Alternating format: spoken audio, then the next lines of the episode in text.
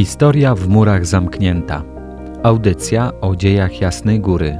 Zaprasza dr Adrian Kosowski.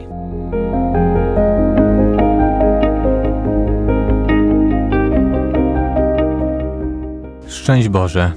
Witam w kolejnym odcinku audycji Historia w murach zamknięta, którego tematem będzie Jasna Góra w odrodzonej Polsce 1918-1939.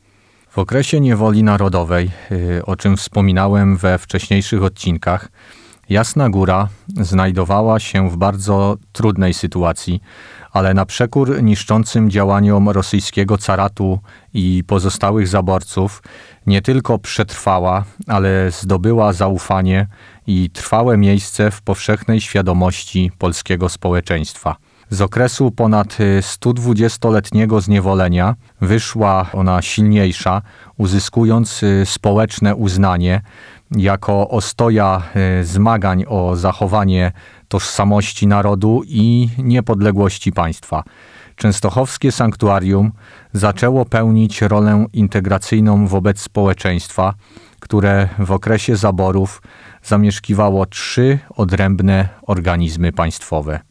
Sanktuarium e, jasnogórskie, którego znaczenie wykraczało poza Częstochowę i region, promowało miasto do rangi najbardziej znanych w świecie. Wpływ na ten fakt e, miała przede wszystkim jego religijna funkcja, znajdująca uznanie Watykanu i Episkopatu Polski.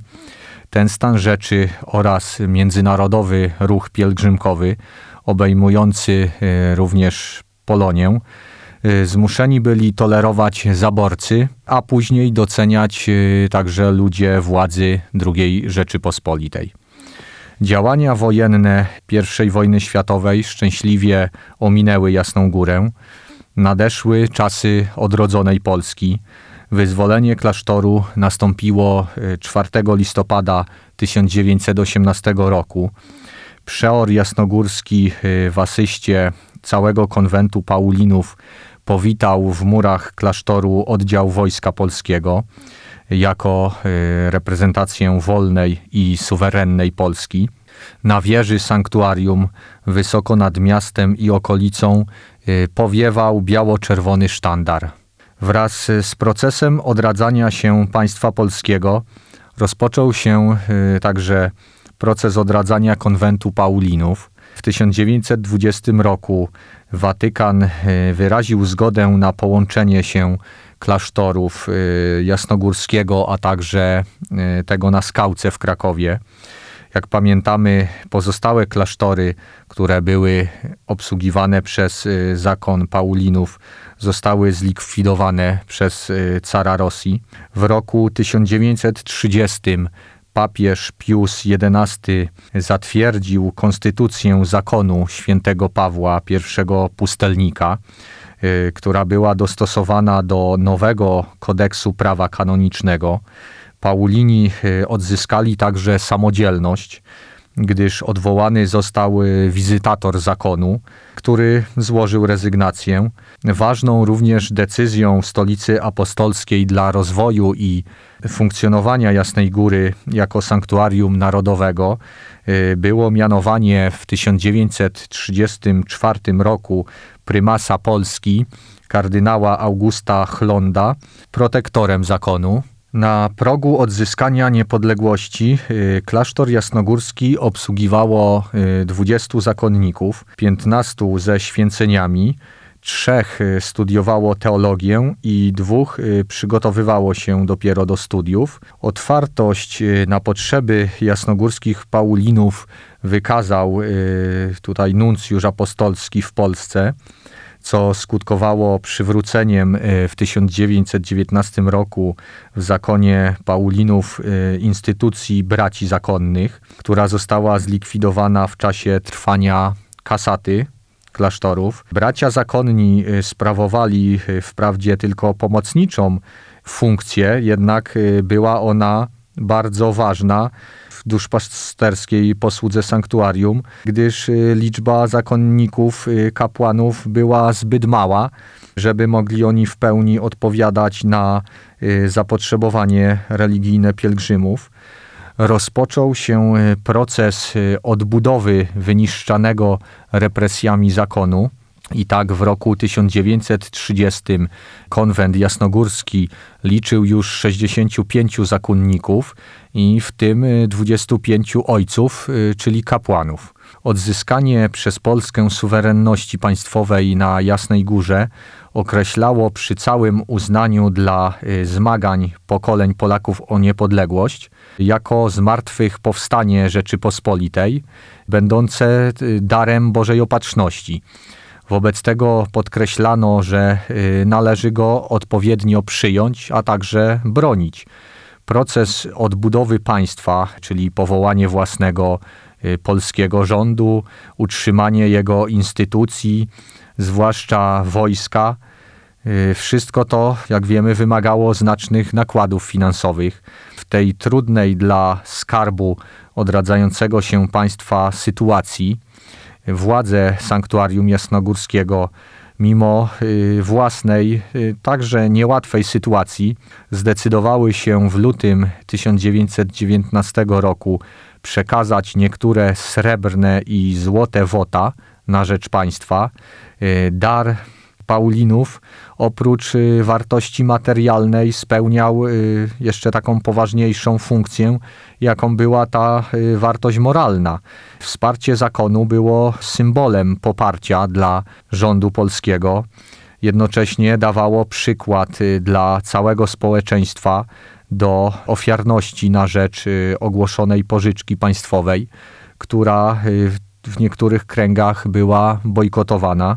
W zmaganiach o granice y, zapewniające bezpieczeństwo państwu polskiemu uczestniczyła Jasna Góra w takim przekonaniu, że państwo polskie powinno istnieć w swoich granicach przedrozbiorowych, a także objąć tereny zamieszkałe etnicznie przez ludność polską na Śląsku i w Armii. Sanktuarium y, stało się miejscem y, moralnej i modlitewnej mobilizacji społeczeństwa do niesienia pomocy rodakom y, zamieszkałym na tych terenach, którzy pragnęli również powrotu do ojczyzny. Podstawowym zadaniem duszpasterskim obok umacniania wiary pielgrzymów Y, stało się w częstochowskim y, sanktuarium y, budzenie w nich świadomości narodowej.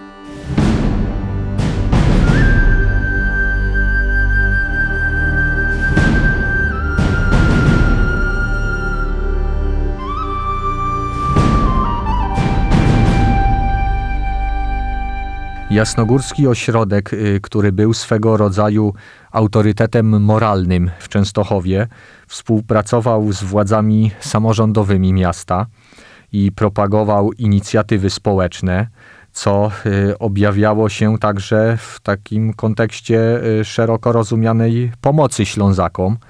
Niewielkie schronisko y, Ducha Świętego, które prowadził trzeci zakon świętego Franciszka przy Jasnej Górze, udzielało schronienia uciekinierom ze Śląska. Wyjątkowego wymiaru y, nabierały pielgrzymki właśnie z Górnego Śląska do Jasnogórskiego Sanktuarium w okresie powstań śląskich i plebiscytu. Jeszcze przed wybuchem pierwszego powstania śląskiego w obliczu terroru niemieckiego wielu Ślązaków y, zostało zmuszonych do ucieczki na tereny byłego zaboru rosyjskiego, w tym także do pobliskiej Częstochowy.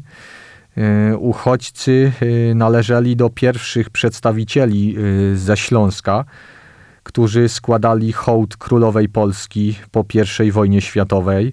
Ślubowali również dołożyć wszelkiego wysiłku, tak aby unicestwić ten kordon sanitarny, który oddzielał Częstochowę od piastowego Opola. Ważną rolę społeczno-polityczną pełniły wiece, organizowane na Placu Jasnogórskim. Czasem y, przekształcały się one w demonstracyjne pochody udające się na ulice miasta. Tak było 23 y, sierpnia 1919 roku, kiedy y, społeczeństwo zamanifestowało swój sprzeciw przeciwko przemocy niemieckiej na Śląsku pod koniec pierwszego powstania śląskiego. Duże znaczenie dla ducha walki o przyłączenie Górnego Śląska do Polski miały także pielgrzymki do klasztoru jasnogórskiego, co potwierdzały władze Polskiego Komisariatu Plebiscytowego dla Górnego Śląska. Tutaj w piśmie skierowanym w roku 1920 do jasnogórskich Paulinów. Organ y, ten informował, że od kilku dni y, z Górnego Śląska y, do klasztoru wychodzą masowe pielgrzymki, z których pielgrzymi wracają pokrzepieni na duchu jako zwolennicy sprawy polskiej. Stwierdzano, że jest to sprawa bardzo dużej wagi politycznej która może decydująco wpłynąć na wyniki plebiscytu. Wobec tego polski komisariat y, plebiscytowy składał podziękowania y, zakonnikom za ich trud i przepraszał również, że wysyłając tak liczne pielgrzymki stwarzał im dużo pracy. List tutaj tego organu kończył się stwierdzeniem, że odzyskanie e, starej piastowskiej dzielnicy będzie najlepszym e, podziękowaniem za ten trud i wysiłek ojców Paulinów. Jak widać, e, polski komisariat plebiscytowy, który był tym organem takim zajmującym się sprawami plebiscytu na Górnym Śląsku w zakresie akcji propagandowej, wywiadu, przygotowania przyszłej polskiej administracji na tym terenie, y, wykorzystywał jawnie, y, jak tutaj słyszymy, pielgrzymki miejscowej ludności Śląska do częstochowskiego sanktuarium y, jako swego rodzaju narzędzia, które y, doskonale się sprawdzało w propagowaniu polskości i pobudzaniu tych nastrojów narodowych do walki z propagandą niemiecką. Moralnego poparcia dla Śląska Paulini udzielili w wydanej odezwie, takiej specjalnej, do braci i sióstr Ślązaków, która y, została opublikowana jeszcze przed plebiscytem w lutym 1921 roku. Zaprzeczano w niej propagandzie niemieckiej, która nazywała państwo polskie tymczasowym tworem politycznym. Wśród y, pielgrzymów y, rozprowadzano specjalną modlitwę do Matki Bożej Królowej Korony Polskiej za Śląsk, przygotowujący się do plebiscytu. Y, na Jasnej Górze uroczyście y, odmówił tą modlitwę biskup Władysław Krynicki i miało to miejsce na tydzień przed plebiscytem w czasie y, specjalnego nabożeństwa patriotyczno-religijnego.